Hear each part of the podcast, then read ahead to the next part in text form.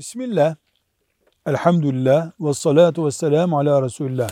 Kuş ya da güvercin beslenebilir mi sorusuna cevap olarak diyoruz ki, beslenen hayvanın hakkı korunabiliyorsa, gıdası vesairesi ve bu hayvan evcil olup kafeste beslenebilir cinsten bir hayvansa, o kuş besleme nedeniyle komşulara herhangi bir zarar verilmiyorsa ve insani, dini görevleri o kuş besleme nedeniyle aksatılmıyorsa, sağlık açısından olumsuz bir sonuç getirmiyorsa, kuş, güvercin ve benzeri hayvanlar beslenebilir.